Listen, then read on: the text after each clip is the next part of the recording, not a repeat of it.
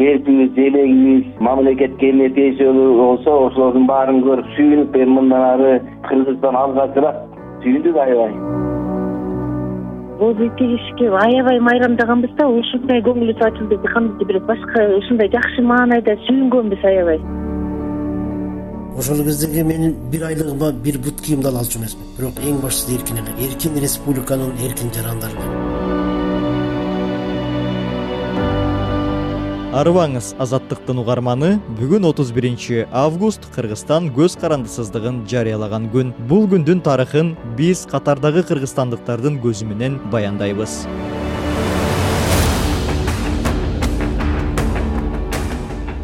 кыргызстандын эгемендүүлүгү жарыяланган бир миң тогуз жүз токсон биринчи жылдын отуз биринчи августу кыргызстандыктар үчүн катардагы эле күн болчу. Күнүмдүк иши менен алек кыргызстандыктар эгемендүүлүк күн жөнүндө кабарды ар кандай шартта угушту. Айрымдары кандайдыр бир жаңылануунун олуттуу өзгөрүүнүн эпкинин сезсе айрымдар бейкапар эле.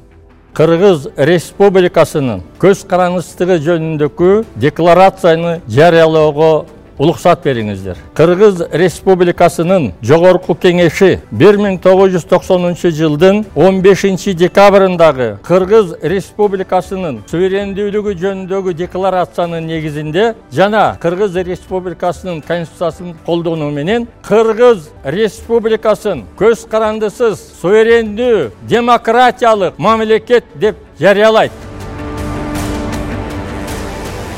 легендарлуу парламенттин жыйынында жаңырган жогорку кеңештин төрагасы медеткан шеримкуловдун бул тарыхый сөзү кыргызстандыктарга желдей тарады. Кочкор районуна караштуу ак жар айылынын орто мектебинин мугалимдери бул күнү алдыда келе жаткан окуу жылына камданып бир күндөн кийин келчү билим күнүн утурлай мектептин тегерек четин иреттеп жатышкан. Мугалимдердин арасында кыргыз тил жана адабият мугалими жумгалбек көчөкбаев дагы бар болчу мугалимдер жамааты ошол жерде отуруп анан агайлар бир бактын түбүндө уборка кылып атканбыз. Территория кырып бак чөптү чөчөгүн чаап тазалап атканбыз. Анан ошол жерден гана уктук мен ушуну эсимде калды эми кудай буюрса мамлекет эме болот деп бирибизди катты сүйүнүп э, ушундай бир элестер калды ушул жерде ким айтып келди эле ошол кабарды? Ошол кабарды ошол бизде иштеп атканда бир тарыхчы агай бар эле э, намазов мукаш деген. Анан ошол ошол кеп кылып анан мына биз эгемендүүлүктү алдык ушундай ушундай деп анан ушуну эсимде калды да биз сөзсүз кубандык анткени союздун убагында кыргыз ким экендигин билбей кыргыздын үрп адат каада салтын тарыхын билбеген көп адамдар бар эле ал убакта жанагы союздун убагындагы коммунисттик партиянын тарбиясында болчубуз да биз мына мен баштап анан жетимиш жыл өтүп ошол эгемендүүлүк келип токсон биринчи жылы анан өзүбүздүн келбибиз желегибиз мамлекетке эмне тиешелүү болсо ошолордун баарын көрүп сүйүнүп эми мындан ары кыргызстан алгачыраак сүйүндүк аябай именно этот флаг символизирует нашу страну развиваясь перед зданием оон или когда его поднимают на официальных культурных мероприятиях или спортивных состязаниях.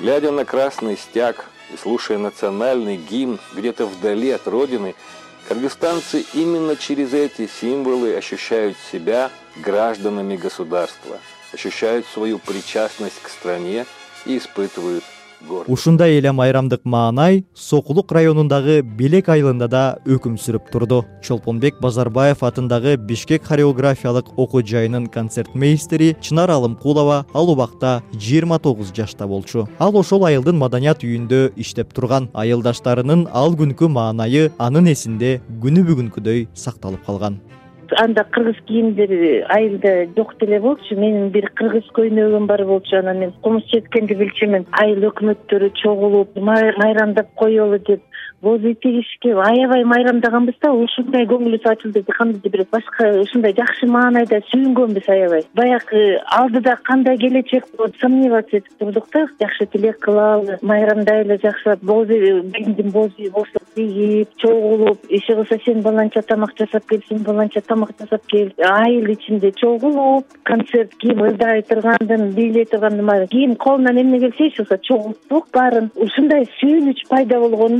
да кары жаш дебей баарыбыз чогулдук айыл тиме үйдө киши калдыбы калган жокпу билбейм. Чай ичтик аксакалдарга чай берип э, сүйлөтүп анан ырдагандар ырдап анан жай сүйлөшүп анан баягы айыл өкмөтү дагы бирдеме түшүндүргөнгө аракет кылып сүйлөп берип атты да улам. Анан эмнеси болсо да жакшы болсун деп жакшы тилек кылганбыз баарыбыз. Анан айылга өйдөк айылда дагы бирдерче болуп атат деп эле ошо кыргыз кийимим менен эле мени комузумду көтөрүп алып эле ошо концерт болуп жүргөнүм эсимде да кайненем болсо байкуш ай жаш балдарыңар кантесиңер бул анан? «Э, ушундай майрам болуп атпайбы апа деп эле ошентип айтып ошентип элдин көңүлүн көтөрүп аябай аракет кылганбыз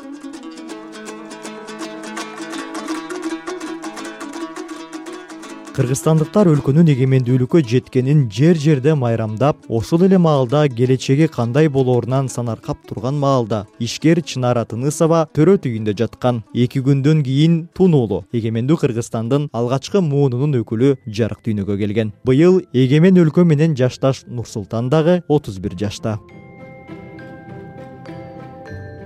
биринчи август кадимкидей эле айдын акыркы күнү болчу. Мен өзүм төрөйм деп роддомго ооруканага баргам да төрөт үйүнө роддомго түшкөн өтө аял үчүн э, өтө бир жоопкерчиликтүү коркунуч сезим менен кандай болот деген баягы биринчи төрөт болуп аткандан кийин э, кыйын эле акыбал ал тиги дүйнө жүзүндөгү жаңылыктарга деле анчалык көңүл бурбайсың өзүңдүн жаның алек болгондой эле.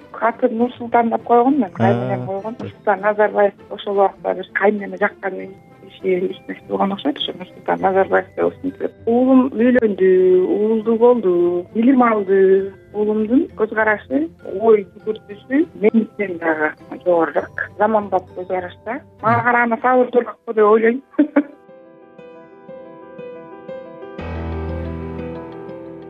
эгемендүүлүктүн алгачкы айларындагы кубаныч толкундоолорду кийин каатчылык басып эмгек мигранттарынын чоң агымын пайда кылды. Миңдеген кыргызстандыктардын катарында жумуш издеп кара жанды багуу айласы менен чыгып кеткендердин бири акын толукбек байзак дал ошол отуз биринчи август күнү ошол кубанычтуу күнү иште тосконубуз эсимде. Ушунча кубанганыбыздан ошол кездеги жапжаш акын досторум менен майрамдап кеткенибиз эсимде. Анткени ушул жаркын эгемендикке жетүүгө болгон биздин салымыбызда бар болчу аз да болсо.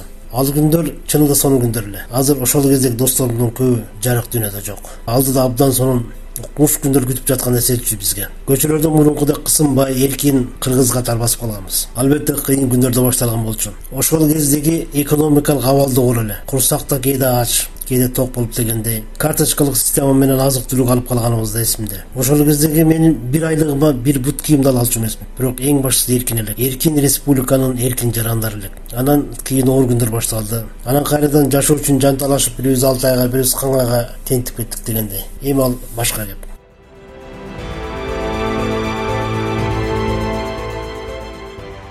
бирок мекендештер кайда болбосун кандай шарт болбосун эгемен өлкөсү менен болгон байланышын үзүшкөн жок. Өлкөсү көргөн кыйынчылыктарды алыста турса да жон териси менен сезип кайдыгер карашпайт. Алыскы түркияда миграцияда жүргөн акын толукбек байзак кандай болгон күндө да эгемендикти сактоо керектигин бул кыргызстандын башкы дөөлөтү экенин ырга салат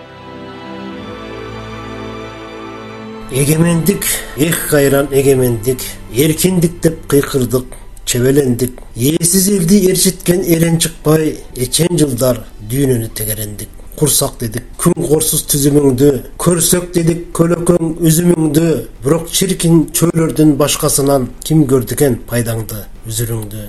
Кан жолдордо кан кустук куйкаландык. Кас жолорго туш болуп уйпаландык. Кандарыбыз баш болуп саткын чыгып канча жерди суудалып сыйпаландык. Ичем кылын жоголбой жеңе келдик. Эзип жааган жамгырдай себелендик. Эсен болгун ата журт манасы жок. Эсен болгун эсилим эгемендик.